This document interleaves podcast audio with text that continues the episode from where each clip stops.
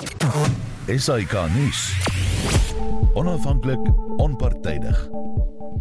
Baie dankie ja, welkom by Kommentaar vanaand na 'n letterlik en figuurlike donker week. Die beerkrag egter nog nie oor nie en 'n bietjie later praat ons daaroor. My gaste vanaand is professor Pieter Dievenage, dekaan Geesteswetenskappe by Akademia. Goeienaand Pieter. Goeienaand Susan. Ons het vir Rolf Meyer wat nou betrokke was by die demokratiseringsproses van die land. Goeienaand Rolf. Hallo Susan. En Gerard Papenfoos, die bestuurshoof van die werkgewersvereniging NIASA. Goeienaand Gerard. Hallo Susan. My klankregisseur is Daitrin Godfrey en ek is Susan Paxton.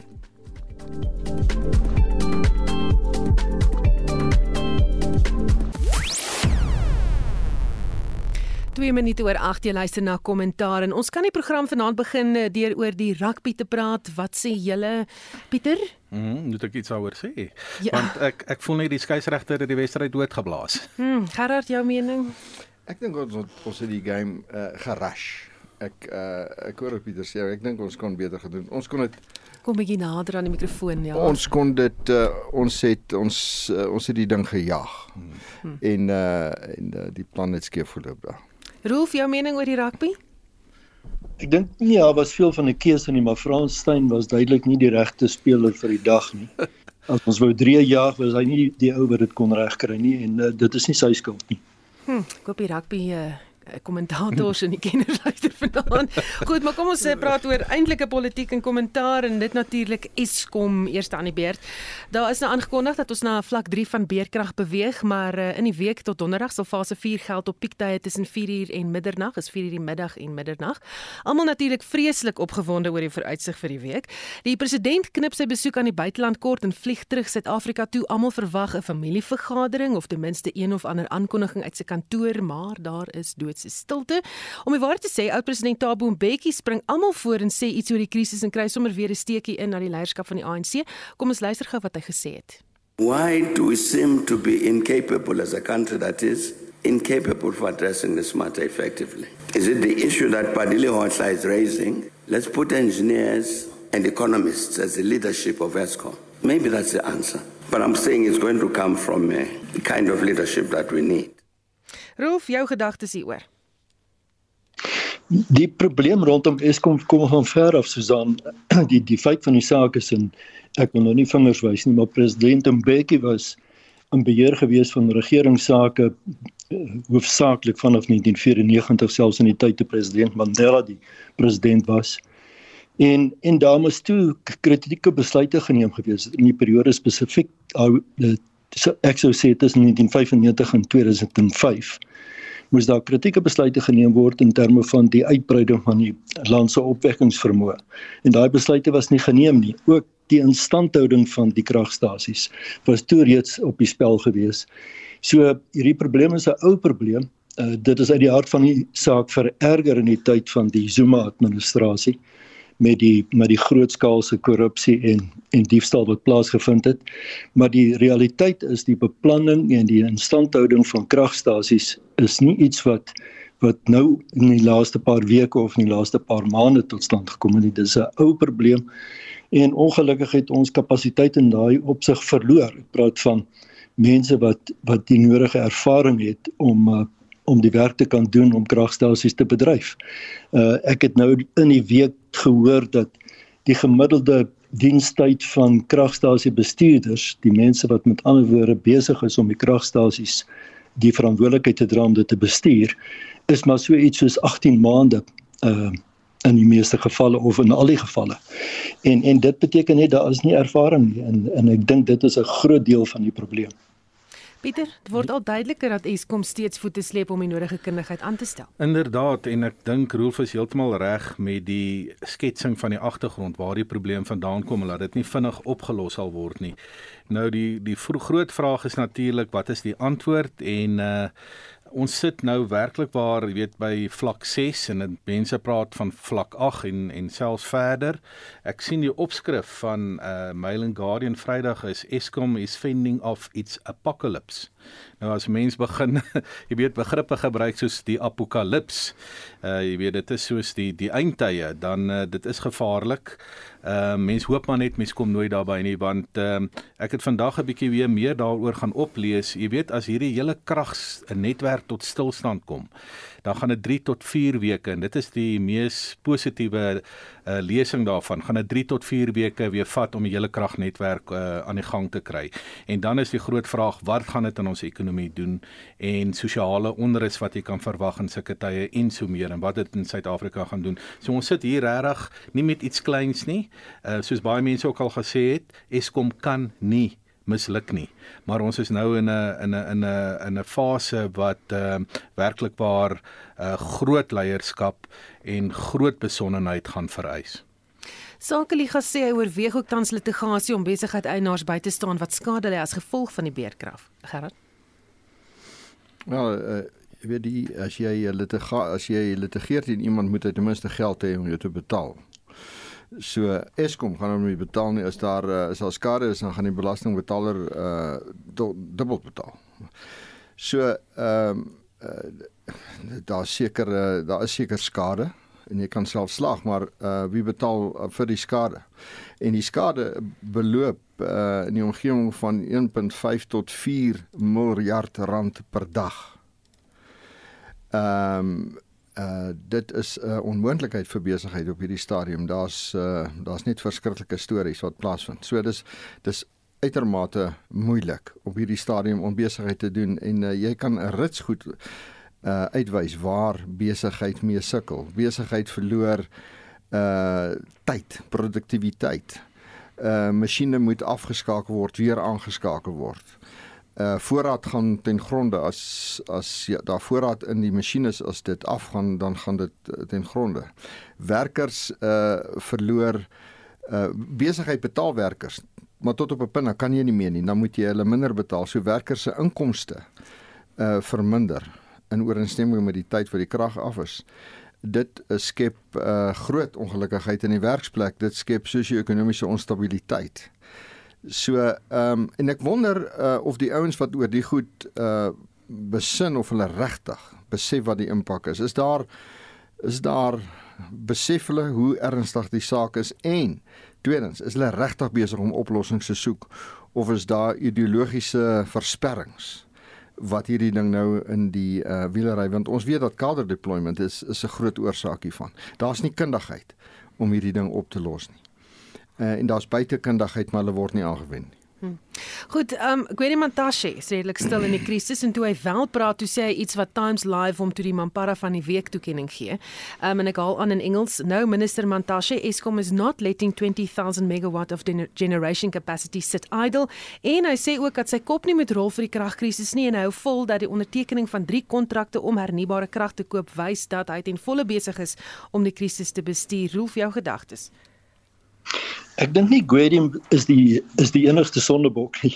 Susan, kom ons kyk net 'n bietjie na waar die probleem in aansluiting wat wat ons vroeër gesê het, die probleem vandaan kom. Ons het 'n obsessie oor al die jare gehad ten opsigte van kragopwekking met met goedkoop met behulp van goedkoop uh, steenkool. Dit was die opvatting dat Suid-Afrika kan as sy kragbehoeftes voorsien uitsluitlik deur middel van steenkool en daai standpunt kom oor dekades. Dit kom selfs van voor 1994 af. Uh en en en Gwedi handhaaf daai standpunt en hy gaan voort daarmee uh totdat hy nou onlangs tereggewys is dink ek deur die president wat gesê het nee, ons moet privaat opwekking alternatiewe kragbronne uh groen energie begine gebruik en dit toelaat om te gebeur. Maar dit het te lank gevat voordat ons by daai punt uitgekom het. So die krisis wat ons nou op die huidige oomblik sit na my oordeel kom van ver af in terme van die die die die fokus op steenkool vir te lank en en en Gwedi is ongelukkig in die posisie as energieminister waar hy dink ek sy eie kop nie betyds geswaai het rondom hierdie ding nie en en ons sit ons pluk die vrugte nou daarvan. Maar maar hy is nie die enigste sondebok in hierdie proses nie. Ehm um, ek dink ons moet kyk na die na die breër span wat vir my opvallend is is dat uh, daar is in Julie maand bekend gemaak dat daar 'n kernkomitee onder leiding van die DG in die president se kantoor aangestel is om na die hele onderwerp te kyk en ons hoor niks van daai komitee nie. Selfs in die afgelope week te midde van die krisis, te midde van vlak 6 het ons nie 'n woord gehoor van hierdie komitee nie en ek wil net vra maar maar wat doen hulle? Want die beloftes wat gemaak is in Julie maand het sover nog glad nie tereggekom nie. Hm. Hy sogenaamde war room het hom genoem Eskom war room. Nou die citizen het ook 'n opskrif wat lei we need to schedule Mantashe for some mouth shedding. Dit na aanleiding van nog 'n aanhaling dat Suid-Afrika nie 'n eiland is nie en almal beerkrag kry, Pieter. Ja nee, ons uh, ek dink um, net net as ek uit my eie perspektief kan praat, dan die afgelope 2-3 weke is my by verre die ergste. Um, ek praat nou net subjektief. Ehm um, en alles dui daarop dat die dat die hele beerdkrag uh proses aan die verhewig is, ook die aantal dae en so aan. So dit dui vir mens dat hier is 'n ernstige krisis in ons midde. En dan sou mens graag beter leierskap wou gesien het, beter uh reaksie van iemand soos minister Kwet Mantashe. En dan ook die president. Ek dink sedert hy terug is van Brittanje, is hy baie stil. En daai leierskap, jy weet, uh daardie belangrike, kom ons noem dit nou maar voorbeeld en dat daar planne is moet aan die publiek uh, genoem word anders gaan hierdie ding net verder eskaleer in terme van die somberheid daarvan. Hmm. Gerard in ander dele van die wêreld was daar die week 'n storie dat die krag vir 'n ruk lank af was daar. Dit het glo baie lank geneem om dit te herstel en inwoners het 'n week se krag verniet gekry as apologie. Maar ehm um, terug na 'n punt wat Rolf gemaak het, is hernubare krag uitsluitlik die antwoord. Ek uh, dink nie so nie. Ehm um, ek ehm um, dit kan help. Maar ek dink uh, steenkool is 'n baie belangrike bron van krag en uh ehm um, goed aangewend, goed bestuur, uh geen korrupsie, skoon steenkool is deel van die oplossing. Uh die, die president het nou van Amerika afgekom en ons hoor hy het 8.5 biljoen gekry vir hierdie ding. Dis 150 miljard rand maar in dieselfde artikel sê hulle dat om die om ons van steenkool te bevry in die volgende uh, paar dekades gaan ons iets in die koers van 4 miljard rand kos. Nee 4 miljard. Nee nee nee, 4 triljoen. Verskoon. 4 triljoen rand kos. Nou ons het nie die geld nie. Uh so jy weet ouens praat van skoon lug. Wel, 'n uh, bietjie veilig en krag is bietjie beter as 'n uh, skoon lug en geen krag nie. En ek ek dink die die mense rol in die skep van hierdie sogenaamde krisis is oordrewe. Nou ek wil nie as jy deur 'n witbank ry dan sien jy veilig. So ek wil nie dit heeltemal downplay nie, maar die feit is ek glo nie ons kan van steenkool heeltemal wegbeweeg nie. Ons moet ons moet korrupsie uitskakel ons moet uh Andre de Ruyter het 'n rukkie terug gepraat van uh, van uh sabotasie wat plaasvind en hy het toe nou bietjie stil geraak daaroor. Ek dink hy is dalk gesê hy moet nie weer dit sê nie. Uh die gooi van klippe in die steenkool en uh die beskadiging van masjinerie. So steenkool is reg, dit moet reg bedryf word, dan moet wet en orde wees, korrupsie moet uitgeskakel word en uh die on die uh die ouens wat nie hulle werk kan doen nie en nie weet hoe om hulle werk te doen nie, moet in die pad gesteek word. Uh maar daar's nie die wil om dit te doen nie. Inteendeel, daar's nie die vermoë om dit te doen nie. Uh ouens wat nie hulle werk doen word verplaas en hulle gaan mors ander plekke op. So, jou vraag was is sonkrag die enigste oplossing? Ek is van mening ons sal dit nie kan doen met sonkrag alleen nie. En dink jy dit is 'n geldmaak storie? Wel ek dink dit, skep 'n uh, um, 'n uh, enorme geleentheid vir rolspelers in die regering jy weet die die globaliste verkoop projekte aan lande soos wat uh die wapenskandaal het Zuma verwoes. Uh hulle het vir hom kom vertel dat ons 'n paar vergratte nodig het en 'n paar vliegtye en duikbote ensovoorts en uh dit was dit was nie nodig nie. Nou is sonkrag die sogenaamde uh, groen energie is nou alles. Daar is ouens internasionaal en hier wat massief ryk gaan word hier uit en uh, ek is ek dink as daar nou as daar nie verlede gesteel word gaan hier groot gesteel word. Hm. Goed, enige hm. laaste gedagtes Pieter en Rolfie oor voor ek na die volgende tema toe gaan? Nee, ek sal maar in hierdie stadium uh, vol staan met wat ek gesê het Suzana. Rolf Ek wil nie van Gerard verskil nie en ek dink hy's reg ons gaan vir 'n baie lang tyd afhanklik wees van van steenkool as die hoofbron van uh energie of kragopwekking. Maar die realiteit is as ons vroeër begin het met die alternatiewe moontlikhede wat daar is, dan kon ons op 'n baie beter vlak al gewees het in terme van die aanvullings. Aanvulling tot steenkool en minder uitsluitlik afhanklik gewees het van steenkool. En en ek verwys hier spesifiek na die beperking wat geplaas was ten opsigte van privaat opwekking. Dit is eers verlede jaar wat dit aangeskuif is na 10 ehm um, uh uh en en en meer onlangs is is die op is dit deeltemal die, die beperking heeltemal opgehef.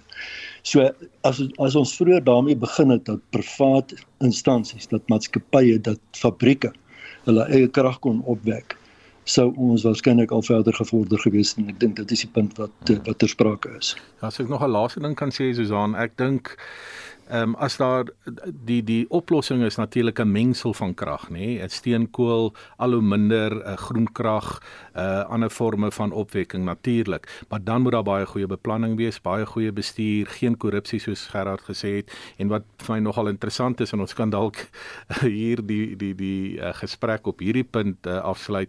Dis my baie interessant dat president Mbeki nou soveel uh, kenner is op die gebied. Maar uh, dit dit is bekend dat in die laat 1990s was op sy lesenaar die hele scenario van Eskom vir die volgende 10, 15 tot 20 jaar. En so dis nou maklik vir hom om te praat, maar in 'n sekere sin is hy ook deel van die probleem.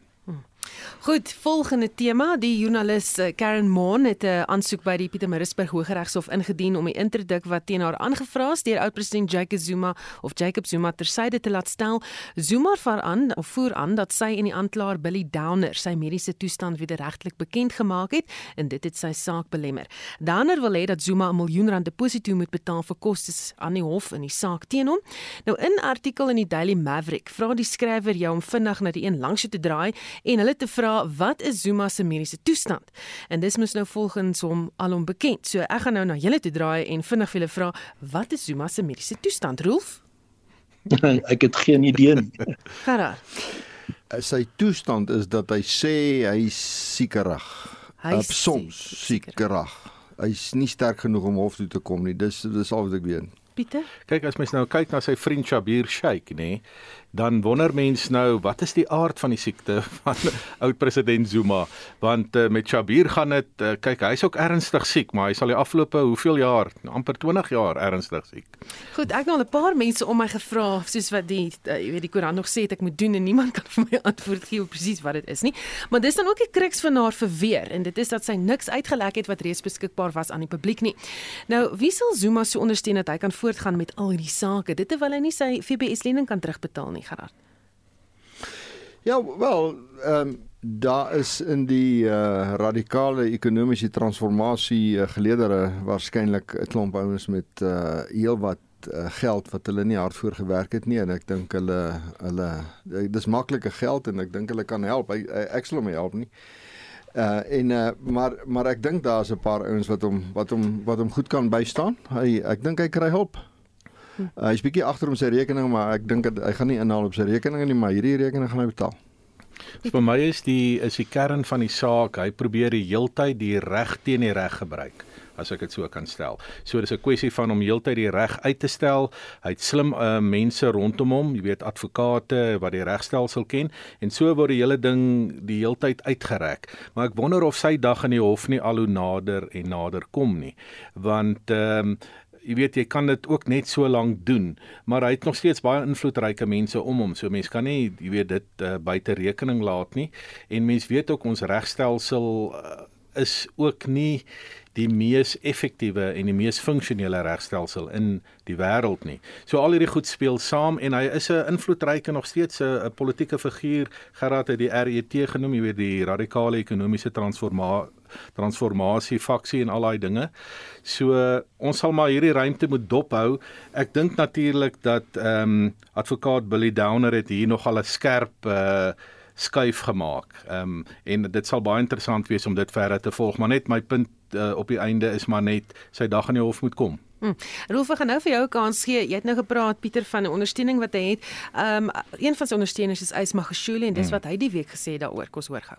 That's the former president. That's the president of the ANC. And uh, he worked uh, for the people, for the poor, for the rich, black people in particular. Africans in, uh, in particular.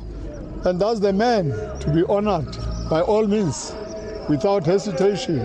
And I'm happy that the leadership of KZN has visited him. Many other leaders are going to visit him. I'll take the leadership of the Free State and will visit Comrade Jacob Zuma. Rolf, jou gedagtes oor al die gebeure. Ja, ek, ek dink eh, Susan dit is 'n is 'n teken van die van die faksies wat binne in die ANC bestaan. En dit het in die afgelope tyd maar net verder en verder geeskaleer. Ek dink die hele gebeure rondom die uh, ANC se uh, konferensie aan aan die einde van die jaar in Desember uh jy weet versterk die faksievorming. Ehm uh, en die en die ironie is dit dit is nie noodwendig so seer rondom beleidsmaatreëls of beleidsstandpunte of daarop geskoei nie. Ek dink dit dit wend hom alles meer rondom die persoonlikhede. Uh dis duidelik dat Zuma geniet steeds waarskynlik die grootste steun in KwaZulu-Natal en daarom is hy 'n soos Pieter gesê het 'n 'n figuur wat jy nie kan buite rekening laat nie want hy het invloed daarso. Uh, en hy hy sekerlik ook van uit ander provinsies nog uh verspreide steen soos wat Ys Magashule nou te kenne gegee het. Ehm um, so ek ek ek dink 'n mens moet aanvaar hierdie is maar alles deel van die groter faksie uh stryde wat binne in die ANC bestaan. En die vraag is natuurlik hoe dit gaan uitspeel. Uh, nie net in Desember nie, maar ook verder na die Desember konferensie afhangend van wie die leierskap gaan uitmaak um, van die ANC daarna. So ehm uh, ja, ek dink dit dit dit dit is dit is vir my onvergenoeglik dat die land op 'n sekere manier die slagoffer is van hierdie faksievorming binne die ANC. Goed, kom ons gaan na die uh, volgende wil jy nog ietsie sê Gerard? Nee, lyk like ek vir jou iemand as iemand wat iets wil sê. Ja, dit het my geklink.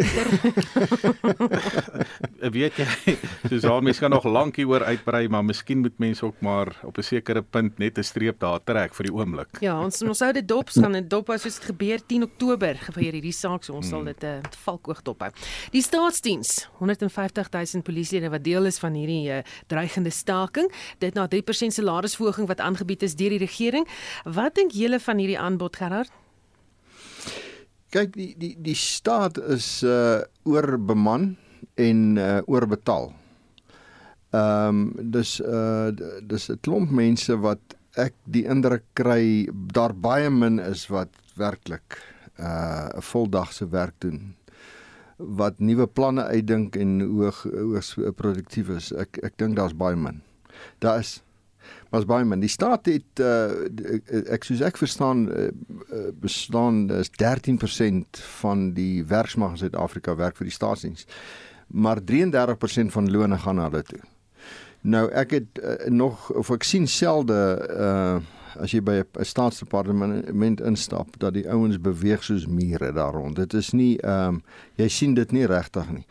So ehm um, die publiek het nie simpatie daarmee nie. Ek dink ons kan dood nie fout nou hierdie staatsdiens uh, bekostig nie. Ek dink hierdie maar nou nou uh, sal jy vir my vra nou moet hulle uh, moet moet hy verminder word. Ek dink nie dis polities haalbaar nie. Ek dink nie hulle kan dit doen nie.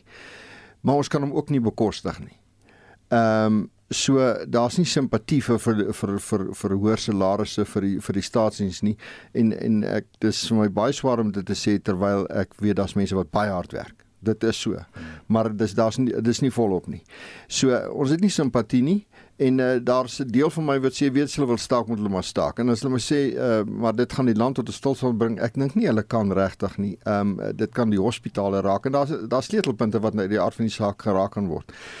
Maar die res sal mens nie regtig agterkom dat hulle staak nie sê hy met sulke groot oë vir my. Pieter, is die reaksie wat ons sien op die aanbod heeltemal onverwags as mens kyk na salarisonderhandelinge in die verlede, die toestand van verhogings en die werk wat gedoen word vir hierdie salarisse. Die staat veg nou harder as ooit om sy staatskas eh, vol te kry. Ek dink ehm um, dit kan nie anders wees dat die aanbod nie so rooskleurig kan wees soos in die verlede nie. En mense, ek dink hier moet 'n mens bietjie oor 'n langer tydperk kyk. Mens moet kyk oor 'n 10, 12 jaar periode. Wat was die verhoging van staatsdiensamptenare? En jy moet ook internasionaal kyk vergelykend en met die privaat sektor in Suid-Afrika. En as mens eers daai syfers voor jou het. Ek's nie heeltemal 'n kenner soos Gerard nie, maar as jy daai syfers voor jou het en ehm um, die bietjie wat ek daaroor gelees het, dan het dit baie goed gegaan met ons staatsdiensamptenare. En die vakbonde wat dan vir hulle instaan moet moet bietjie na daai syfers ook kyk. Dit het dalk nou tyd geword ehm um, dat uh, dit nie anders kan nie dat soos in die ou dae het ons altyd gepraat die gordel moet styf uh, gemaak word want dit gaan nie goed met Suid-Afrika se ekonomie nie en die staatsamptenare sal ook hulle bydrae moet lewer maar dan moet jy kyk oor 'n langer periode nie net ek dink dit is dit is dalk nou ehm um, uh, sterk jy weet die die die voorstelle teen jy weet dit kan vir staatsamptenare dalk 'n bietjie tref Ehm um, maar dit is ehm um, as jy oor 'n langer periode kyk en dat dit as jy ook vergelyk met die privaat sektor en internasionaal gaan dit nie sleg met ons staatsamptenare nie. Hm. Rolf Eskom werkers het vroeër 'n 7% verhoging gekry na onwettige staking. Sal dit 'n invloed hê op die onderhandelingsproses? Ja, dit sal sekerlik en ek dink dit is een van die redes hoekom die staatsdiens staatsamptenare waarskynlik eh, die geleentheid wil aangryp. Ehm uh, my my siening daaroor is dat jy weet ek dink daar is twee aspekte wat wat te berge gebring moet word. Die een is almal moet meer betaal vir vir vir vir vir hulle uh instandhoudingsuitgawes. Dit is nou maar net so. Ehm um, en daarom moet 'n mens nie onsimpatiek staan per se nie. Maar terselfdertyd is staatsamptenare die mense wat die die die mees uh, geborgde posisie vir in die mees geborgde posisie verkeer het die afgelope 2 jaar ten tye van die COVID pandemie. Uh ek weet nie van een enkele staatsamptenaar wat sy of haar pos verloor het as gevolg van die pandemie nie, terwyl dit iets is wat algemeen voorgekom het in die private sektor. So ehm um, ek ek dink dit is aspekte wat moet te berde gebring word in die in die gesprekke wat daar plaasvind in die onderhandelinge wat ter sprake kom. En en uh Ja, ek ek dink dit is 'n moeilike saak vir die regering sekerlik om te hanteer, maar eh, maar ek dink die land se belang kom eerste in hierdie omstandighede. Iets wat ons gaan sien gebeur is daai stakings om dit ook dop. Dan 'n ander groot belangrike storie rapport noem dit 'n skokberig of 'n skokverslag, maar hulle berig vandag dat Suid-Afrika se nes van goed georganiseerde misdaadsyndikaate en 'n hemel verhoofde van hierdie netwerke. 'n Verslag deur die Global Initiative Against Transnational Organized Crime of VGI TOC skets 'n prentjie van hoe die netwerke ten minste in 15 sektore werksaam is, van Zamazama, die taxi-bedryf wat ons die week gesien het die busvervoersektor dreig, dwelm en wildsmokkel smuggelaars wat renosterstropers insluit, transieterowers, vragmotorkapings en konstruksiemafia waaroor daar ook al wyd berig is. Nou Suid-Afrika is 5de in Afrika op die indeks en wêreldwyd 19de voor lande soos Libië, Brasilië en Rusland. Hm. En dis Sloweens korrupsie dat staatsinstellings wat dit moet teenstaan nie hulle werk kan doen nie. Roel, wat dink jy daarvan?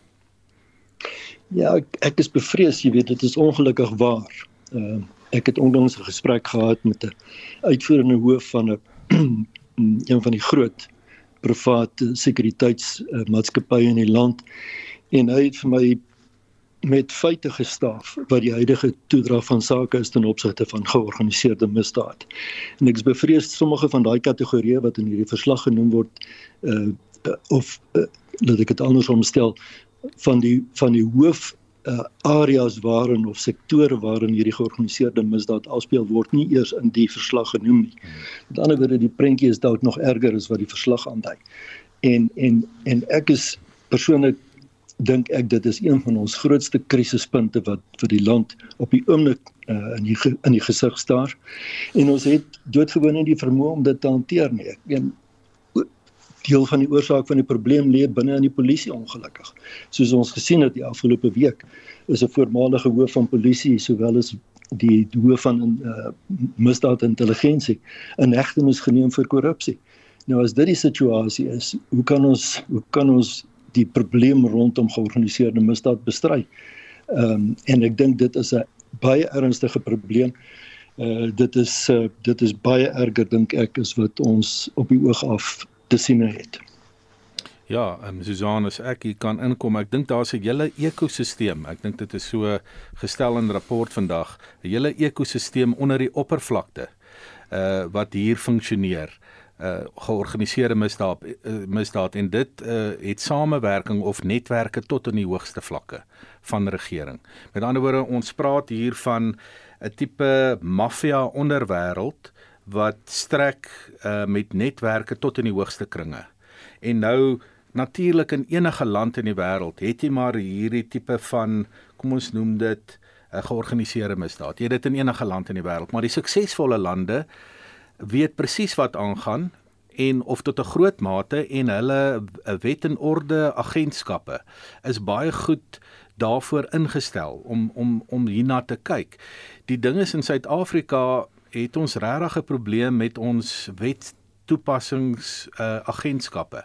En dit lyk of dit nie 'n prioriteit is nie. Jy weet dat georganiseerde misdaad word van word soort van gesien as as as gewone misdaad, jy weet wat nou maar plaasvind. En as ons nie 'n uh, 'n antwoord kry nie en as ons nie 'n professioneel en op bestuursvlak baie goed gaan uh hierdie saak aanspreek nie, dan het dit vir my net sulke donker en somber implikasies soos 'n kragonderbreking van 'n paar weke in Suid-Afrika. Uh hmm. dit is glad nie 'n goeie refleksie op Suid-Afrika hierdie nie as ons 'n wenland wil word of so, enigsins soos oud president Mbeki nou verwys het na die in die Afrika Renaissance, soos in daai rigting wil beweeg, dan sal hierdie saak baie doeltreffend en baie goed moet vasgevat word, maar daar sal die politieke wil moet wees en daar sal 'n party aan bewind moet wees wat absoluut fokus op hierdie ding want geen wenland in die wêreld kan toelaat dat georganiseerde misdaad basies die stert word wat die hond swaai nie. Hmm, Rolf, ek hoor vir jou daar in die agtergrond jy nog iets wat jy wil sê? Nee nee, ek wil maar net saamstem met Pieter. Ja. Goed nou maar, ehm um, Gerard, die name van die netwerk is 'n groot basis ook in die verslag genoem soos 'n sogenaamde Mr Big, Petro, Sydney Mabuza, glo 'n multisektor misdadiger. Die name is bekend en hierdie was 'n vraag wat ek sommer so op sosiale media opgetel het van mense wat hierdie artikel gelees het wat dan sê maar die name is bekend en niks word gedoen aan hulle nie. Al dit is die uh, dis die punt die uh, hierdie maffia beweeg onder die beskermings kombers van uh, baie magtige persone wat alles almal uit hierdie ding uit voordeel trek. Die die probleem is duidelik. Uh misdaad kan baie maklik opgelos word as uh as 'n regering die wil het en uh die arms en die hande het om dit te doen, maar ek dink hulle het aan nie die wil nie, hulle is gekompromise. Uh die polisie is nie in staat om dit te doen nie want regdeur Nou natuurlik uh, onder hulle is daar natuurlik eerlike ouens. Ek weet nie hoe hulle hoe hulle binne daai konteks funksioneer nie. So ek dink tot op baie groot mate het Suid-Afrika reeds onregeerbaar geword en dis 'n baie negatiewe stelling om te maak. Uh uh maar dit hang net af waar jy beweeg. Ek kan vanaand hier ry en ek kom Pretoria toe ry en dit gaan uh glad nie lyk like asof die land onregeerbaar word nie. Maar as jy 3 km afdraai van hierdie pad af, dan bevind jy jou in 'n omstandigheid waar hy onregeerbaar is. En as jy vanaand gaan staan en jy kry 'n papwiel, dan besef jy hoe onregeerbaar die land geword het. Ek dink nie jy sal jou papwiel regmaak nie. Ek dink jy sal maar in die gras gaan sit iewers. Uh so uh die land is reeds tot 'n groot mate onder uh um uh onregeerbaar. En die volgende stap is wanneer mense onder uh, organiseer in uh, uh vigilante groepe waar hulle sê ons moet onsself verdedig en dan verval 'n land in uh in in 'n situasie wat jy met uh, warlords begin werk. Omgewings begin hulle self organiseer vir oorlewing. Uh jy draai baie moeilik uit daai omstandigheid op. En ons is ons is ons ons gaan daarheen tensy dit omgedraai word. Dit klink vreeslik negatief. Ehm um, uh dis klink sleg, maar dit help ook nou nie ons vertel vir mekaar dit gaan goed nie, want dit gaan regtig nie goed nie as jy môre en ek wil nou weer herhaal wat ek gesê het, môre werk toe ry en jy gaan sit in jou aircon kantoor en dan dink jy wel dit is, kan nie wees nie. Maar jy leef in 'n klein spasie waar dit goed gaan. Dit gaan baie sleg elders. Hm. Ek kan 'n goeie vergelyking is miskien uh, Santon en uh, dan Alexandra wat so reg oor mekaar sit. Okay. Goed, die taxi ryk soos hulle dit beskryf is onder leiding van Mandla Kaba en hy's glo afkomstig van Nkandla. Pieter moet ons die kolle verbind hier. ja, ehm um, kyk die taxi uh, saak uh, hou maar eintlik verband met wat, wat ons nou presies oor gepraat het, nê. Dat ehm um, ek dink die hele taxi bedryf in Suid-Afrika en die manier waarop dit uh, plaasvind is baie nou gekoppel aan uh kom ons noem dit nou maar uh sekere netwerke wat half uh, mag op hulle eie is, nê, wat uh, reg op hulle eie is in baie opsigte. En ek dink dit dit is genoem in hierdie verslag waaroor ons nou net gepraat het, nê, dat taxi geweld, die manier hoe daar sluipmoorde gevoer word, dat wapens beweeg in taksies en so aan dat dit dit het uh, op 'n manier 'n subgroep geword wat wat op hulle eie opereer en en mens kry net hierdie gevoel dat die polisie en dat die wetstoepassers behoorlik ehm um, in beheer is. Jy weet wat mense nou verwag, jy weet uh openbare vervoer in enige land, in enige normale land, moet onder baie streng regulatoriese uh omstandighede funksioneer. En hier kry ons nou eintlik maar ehm um, jy weet 'n uh, bedryf in Suid-Afrika wat uh wat die reg in eie hande neem en wat tot 'n groot mate omdat die politieke wil ontbreek en die wetstoepassing daar nie goed genoeg is nie, uh, in 'n sekere sin maak soos hulle wil. Goed, laaste vraag aan jou Rolf, het ons die hulpbronne, die kennis, die goeie mense daar buite nog om hierdie saak om te draai?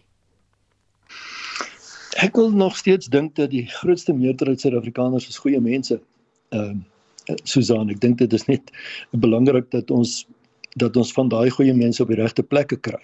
Ehm uh, my my kommer is dat jy weet ons ons het basies niemand wat regtig uh kom ons sê 'n loopbaan van die politiek wil byvoorbeeld wil maak uh uit 'n uit 'n professionele oogpunt uh wat bereid is om toe te tree nie of laat ek dit andersom sê daar is baie min mense wat die, tot die politiek toe tree omdat hulle voel het hulle het 'n hulle te bydra wat hulle wil maak in diens van die land.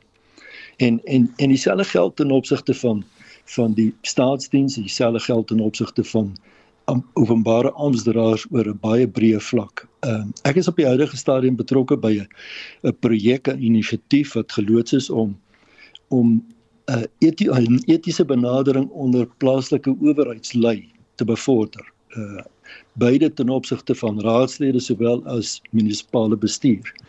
En en en ek moet sê die die hele poging is nogal besig om sterk aanklank te vind en en traksie te kry. En ek is baie opgewonde daaroor want dis 'n nie politieke inisiatief. Dit dit kom uit uit uh, die burgerlike samelewing en ek is ek is opgewonde om te sien dat daar mense is wat spontaan na vore tree. En dit is baie duidelik ingestel daarop om om raadslede te oriënteer om eties op te tree en dieselfde ten opsigte van munisipale amptenare. Uh so ehm um, ek dink dis die soort van goeders waarmee ons wat wat wat, wat dit ons wegvind om daarmee ons besig te hou. Ek dink ons moet dit doen en ons moet soveel as moontlik energie daarin sit om om sulke goed te laat werk. Goed, jy nou die stem geluister van Rolf Meyer, die ander gaste op kommentaar vanaand is Pieter Dievenage en Gerard Papenfoos. Net hierna praat ons nog politiek, plaaslik en internasionaal bly ingeskakel. Jy luister na 'n kommentaar. My gaste vanaand is Rolf Meyer, Pieter Dievenage en Gerard Papenfoos. En ons praat verder oor politiek. Rapport vra ook vandag of die ANC se top 6 dalk die top 7 kan word. Dit na aanleiding van gesaghebende bronne wat glo sou gesê het dat daar voorstelle ingedien gaan word vir 'n tweede adjunksekretaris-pos. Pieter, glo is die hmm. top 6 tans verlam weens die afsterwe van Jessie Duarte en die skorsing van Ys Magashule? Maak so 'n voorstel sin? Wel, hulle is definitief op die oomblik verlam. Nie net vanweë dit nie, maar maar in elk geval dit dit is 'n probleem want hulle sekretaris-generaal is uh, geskort en die ander een die adjunk sekretaris-generaal is oorlede. So dit beteken meneer Paul Mashitele wat nou die tesourier-generaal is wat ook nie 'n ligtelike pos is nie, moet nou ook 'n uh, uh, waarnemende sekretaris-generaal wees. En ek dink dit gaan nou maar daaroor. Nou iewes skielik is hier nou bespiegeling, daar moet nou 'n tweede adjunk uh sekretaris-generaal kom. So jy gaan eintlik nou 3 sekretaris-generaals hê. Die een die die die die die hoofeen met twee adjudante en dan beteken dit nou die top 6 van die ANC word dan die top 7. Nou uh ek het altyd gewonder hoe die top 6 konsensus bereik. of wanneer hulle besluit moet neem, maar top 7 gaan dalk beter wees. Uh, maar dit is op die oomblik nou die bespiegelings en die dinge wat aan die gang is, maar ek dink dis op die voorgrond en in die agtergrond kook dit maar uh, jy weet uh, op pad na hierdie verkiesingskonferensie van die ANC in Desember. Daar is soveel gisting en dinge uh slange in die gras as ek dit so kan stel dat 'n mens maar hierdie ruimte ook fyn sal moet dophou want ek het altyd gedink president uh, Ramaphosa staan sterk uh, binne die ANC en vir die oomblik lyk dit so maar ek dink daar is geweldige uh, kom ons stel dit maar ehm um, woelinge uh, rondom moontlike alternatiewe kandidaate vir die presidentskap van die ANC. Mm, terwyl jy nou aan die woord is, uh, ek sien SABC nuus het nou pas getweet dat uh, Nkosazana Dlamini Zuma en ek gaan dan Engels lees has denounced the government's party step aside rule as unjust and that it, it has partly exuberated the divisions. Dit met ja. ander woorde die party verdeel. Ja, mense wonder of sy nie besig is op so op 'n stil manier want ek sien die die nuutste bespiegelings was Mkhize, weet oud oud minister Mkhize en Natal as 'n moontlike presidentskandidaat gehad. Maar ek sal nie vir Nkosazana uh, Dlamini Zuma buite uh, buite berekening laat nie. Uh, rondom al die dinge en daar gaan baie goed nou gebeur na in die rigting van Desember. Gaan dit al hierdie woelinge binne in die regerende party hoe beïnvloed dit die res van die land? Ja, die, ek ek dink die die die groot 6 top 6 is uh is 'n uh, refleksie van uh, verskeie faksies in die ANC uh dis nie 'n span wat uh saamtrek na uh uh een doel toe nie. En ek dink hulle kom ooreen in hulle gesprekke op uh op standpunte wat uh die wat werk op die basis van die laagste gemeene deler. So daar's nie dit is uh dis soos 'n springbokspan wat teen mekaar speel. En wat vir posisie speel nie as 'n span nie en vir wie verloor soms beter is as wen. So ehm uh, uh en en uh, ek dink 'n tweede adjunksekretaris-generaal is maar net 'n uh, plek om voorsiening te maak vir nog 'n uh, persoon in die ding om verder te verdeel want uh, dit dit hou die sekretaris die die dit hou die sekretar sekret, twee sekretaris-generaals met verskillende uh oogmerke verlam die sekretaris-generaal. So die top 6 is verlam. Die ANC is verlam. So ehm um, hy hy was verlam, hy is verlam en hy gaan verlam bly. Hier die Suid-Afrika eerste is nie hulle hulle oogmerk nie. Hulle werk nie na Suid-Afrika eerste saam nie. Hulle trek in verskillende rigtings en hulle eie posisies is die belangrikste. So of dit nou 6 of 7 is, wat maak dit saak? Hmm, ek het nou my pas gevoel ek het die trappe van vergelyking van verlam by jou geleer. Rolf, en dis 'n maand oud president Galema Motlanthe teen die bekendmaking van provinsie se ondersteuning vir onderskeie kandidaate. Hy sê dit is onwettig om dit nou bekend te maak, maar die kat is reeds uit die sak. Die provinsies het nie op hulle laat wag nie. Ja, ek dink ook nie jy gaan hulle stop nie. Ek dink nie daar is 'n kans dat jy hulle sal kan weerhou om al hierdie aansprake te maak of hulle steun te beloof vir hierdie kandidaat of daai kandidaat nie. Uh dit is nou maar ANC verkiesingstyd binne in hulle eie geleedere. In die volgende 3 maande gaan ons ongelukkig deurloop wat dit dan betref in terme van wat ons daaroor lees. Persoonlik dink ek ons moet regtig nie te veel uh erns daaraan gee en te veel aandag daaraan gee nie want baie van die berigte wat verskyn is ook maar uh vals berigte na my oordeel. So uh hoekom moet ons ons te veel daaraan aandag gee? Ek ek ek dink nie dit raak my en jou daaglikse bestaan nie. Uh dit dit dit het te maak met soos ons vroeër gesê het die faksie stryde binne in die ANC. Ehm um, wat wel kommerenswaardig is uh en, en dit gaan nie net dit het nie net betrekking op die verkiesing nie maar in die breër konteks.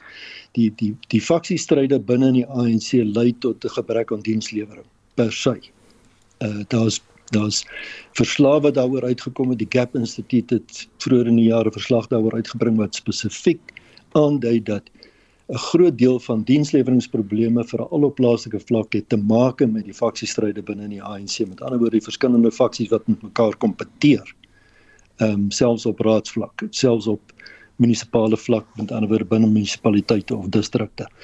En en ek dink dit is iets wat ons almal raak. En dit bekommer my maar um, maar maar wat in Desember gaan gebeur, moet ons maar sien wat gebeur. Ek dink nie dis moontlik om enige ehm uh, uh kundige voorspelling of uitspraak te maak oor wat die uitslag gaan wees nie. Daar is sekere poste wat belangrik is uit die hart van die saak die van president en miskien nog belangriker is wie gaan die adjunkpresident wees want daai persoon gaan stellig ook die adjunkpresident van die land word en desnoods die opvolger van president Ramaphosa.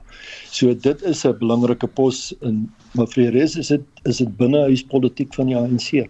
Kom ons kyk na politiek op metro vlak. Retief Orendal van die DA as die Nelson Mandela Bay Metro se nuwe burgemeester, dit na 'n mosie van wantroue in die voormalige ANC burgemeester Eugene Johnson.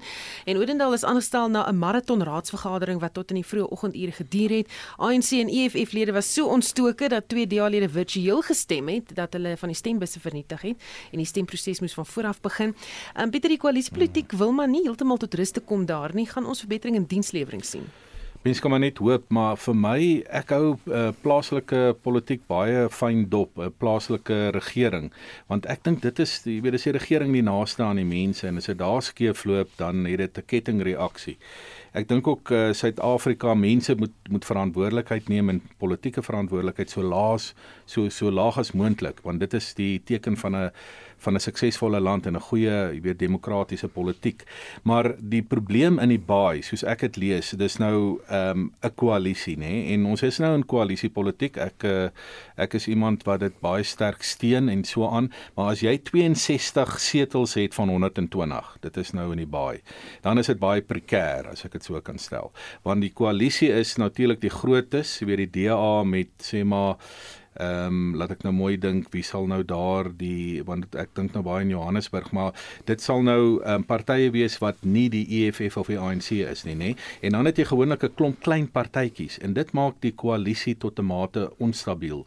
Johannesburg lyk effens anders ons kan nou nou daaroor praat maar vir my is die kern van die saak ek hoop hierdie koalisie hou dis 62 setels uit 120 en laat van die kleiner partytjies want party het net een lid nie weer deur die ANC agter die skerms omgekoop word nie is die dilemma. En die enigste uitweg daar is dat jy so goed as moontlik in kontrak of uh jy weet met mekaar moet sluit tot daai koalisie en ek weet uh, Corneil Mulder van die Vryheidsfront Plus werk in die agtergrond altyd daaraan en ek hoop maar net in die baie slaag hierdie koalisie laat die lede weet hulle is nou daar vir dienslewering soos Rolf het ook gestel het en dat die mense van die baie eerste kom en nie die partytetiese belange nie. Gerard Ja, dis uh, dit uh, baie van die uh, munisipaliteite wat uh, DA is en wel selfs waar dit nie ANC is soos maar net net.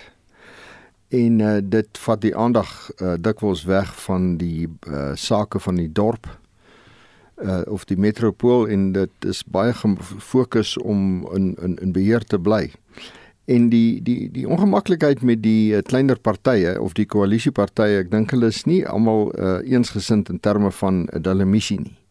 Hulle is daar vir ehm uh, uh, alles behalwe die ANC. Nou dis oukei okay, tot 'n mate.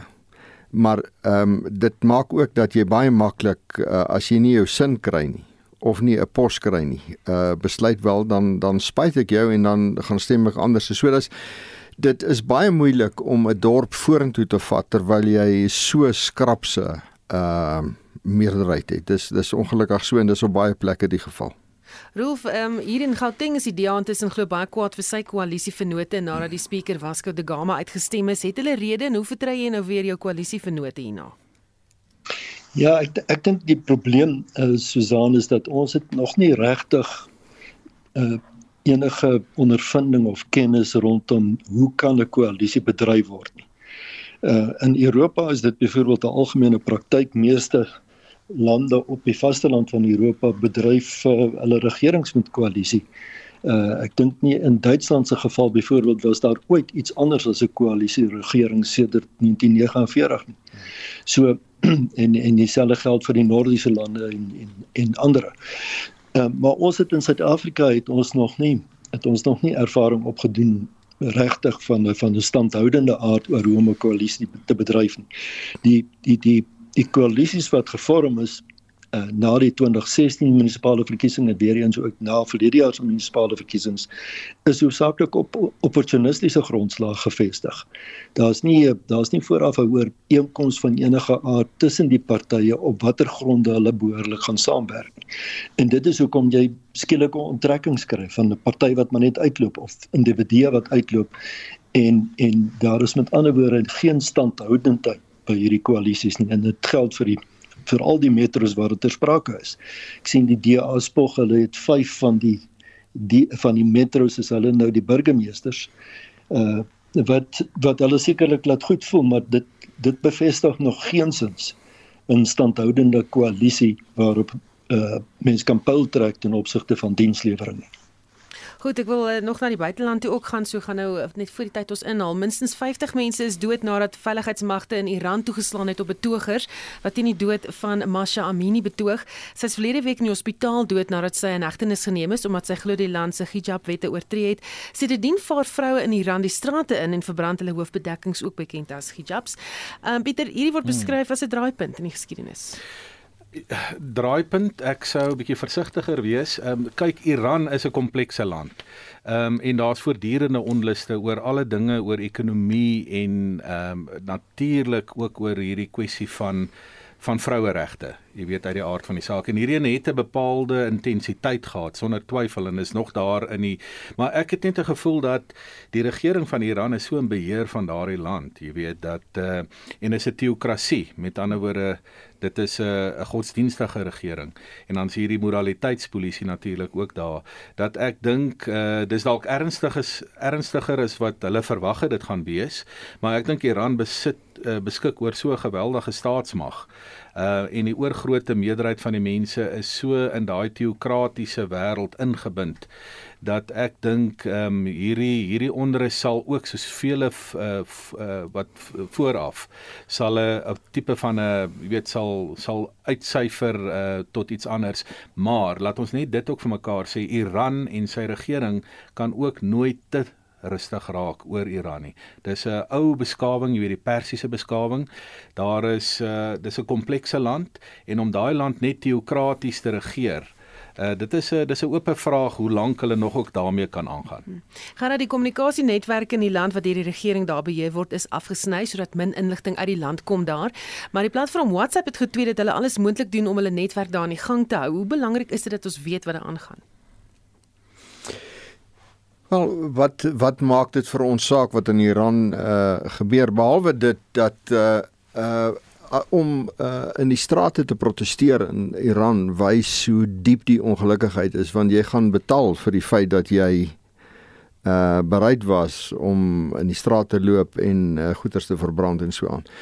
So ehm um, enige regering moet uh, kennis neem van die feit dat jy as jy mense se vryheid van hulle wegneem, dit 'n uh, groot ongelukkigheid maak. Uh jy kan sy stem wegneem, jy kan die media probeer beheer. Jy kan die vryheid van spraak onderdruk. Maar daar is 'n diep ongelukkigheid uh wat te, in in mense posvat en daar is 'n dag wat jy bereid is om alles op die spel te sit om vry terug te kry. Ons is ons is in wese mense wat wat uh aandring om vry te wees, om ons eie keuses te maak, verantwoordelike keuses. Uh en 'n regering wat in daardie vlak uh inmeng is 'n dwaase regering en éventueel gaan dit Iran duur te staan kom hulle mag en gaan waarskynlik hierdie ronde oorleef maar hulle sal nie altyd oorleef nie. Jy kan nie 'n bevolking altyd onderdruk nie. Rolf wat maak jy van die gebeure? Ehm um, ek stem met Pieter saam dat Iran is 'n baie komplekse land. Uh jy weet wat aan die een kant wonderlike mense het en 'n moderne ehm um, uh progressiewe uh, bevolking het en aan die ander kant hierdie oeroue uh uh godsdienstige uh beheer uitoefen oor die land met die ayatollah wat op die ou en die besluite neem. Uh ek, ek dink vir alle praktiese doeleindes is die regering uh, glad nie hulle eie baas nie, maar maar wel die ayatollah en en ek en ek dink dit is waar hierdie spanning lê met ander woorde 'n deel van die bevolking of 'n groot deel van die bevolking wat wil vorentoe beweeg wat 'n progressiewe uitkyk op die lewe nou en dan aan die ander kant 'n uiters uiters fundamentele godsdienstige konservatiewe regering uh, of of beheer wat uh, wat die mense aan bande wil hê en en daai spanning bestaan oor oor eeue seker. Ek ek is nie seker wanneer wanneer mense begin tyd daaraan kan gee nie, maar maar die realiteit is uh ek dink nie dit gaan gou weggaan nie. Uh ek, ek dink hierdie is 'n uitbarsting, maar ek is ook geneig om te dink dit is nie 'n finale draaipunt nog nie. Hm. Goed, dan uh, gaan ek aangaan gou na Amerika toe ook vir ons heeltemal moet uh, afsluit die midtermyn verkiesing in die FSA as weer op pad. Die voorspelling is dat die duurste nog gaan wees. Hoekom is die verkiesing so belangrik, Pieter? Hierdie is 'n baie belangrike een. Kyk, Amerika is nie op 'n goeie plek nie en ons het nou min tyd. Uh, as ek dit so in 'n neutedop kan skets, dan dink ek uh, die demokrate besef as die republikeine die huis van verteenwoordigers in die senaat meerderheid gaan kry is dit nag vir president Biden oor vir die volgende 2 jaar. Mens kan weer impeachments en al daai dinge verwag. Staat van uh, wat noem ons dit in Afrikaans? 'n Staat van beskuldiging van beskuldiging plaas. Met ander woorde, die dit dit is nie gaan nie goed in Amerika nie. Die ongelukkig het die twee groot partye amper vyande nou geword terwyl hulle vroeër uh partye was wat saamgewerk het vir die groter doel van Amerika. So hierdie is 'n verskriklik belangrike tussenin verkiesing uh en die luisteraars moet dit fyn dophou want dit is ons dit is die grootste land in die wêreld en nog steeds die belangrikste land en ons moet daarvan kennis neem. Rolf, so 30 sekondes, wat dink jy? Ja, ons praat van faksies in Suid-Afrika. Die faksie uh, stryd in Amerika is vel en dit speel hom nou uit in hierdie verkiesing. Die die die stryd tussen die konservatiewe element wat nog steeds vir Trump aanhang aan die een kant en aan die ander kant die meer progressiewe demokrate daai faksie stryd ek was onlangs in Amerika vir 3 weke en ek ek was ek het pas geskok om dit te beleef en te hoor hoe mense van mekaar praat. Ek het nie gedink dit gaan ooit in Amerika gebeur nie en hierdie verkiesing wat kom staan in daai teken. Gerard laaste 30 sekondes is joune. Ja Amerika ehm um, dink ek is Pieter is reg is glad nie in 'n goeie plek nie. Daar is daar's 'n nuwe gees in Amerika die uh, hierdie verligting die ras verwarrendheid. Die inflasie is hoog, petrol en dis dis die die die energiekrisis in Amerika is massief. So ou sal dink die Republikeine gaan oor hulle loop, maar nie noodwendig nie. So dis baie interessant wat besig is om te gebeur. Baie dankie. Dit was die stem van uh, Gerard Papenfoos, die bestuurshoof van die werkgewersvereniging NIASA. Ons het gepraat met Rolf Meyer wat nou betrokke was by die demokratiseringsproses in die land en dan professor Pieter Dievenage, dekaan geesteswetenskappe by Akademia. My uh, klankregisseur was Daityn Godfrey. Ek is Susan Paxton en onthou monitor môreoggend tussen 6 en 7 vir die jongste nuusaktualiteit.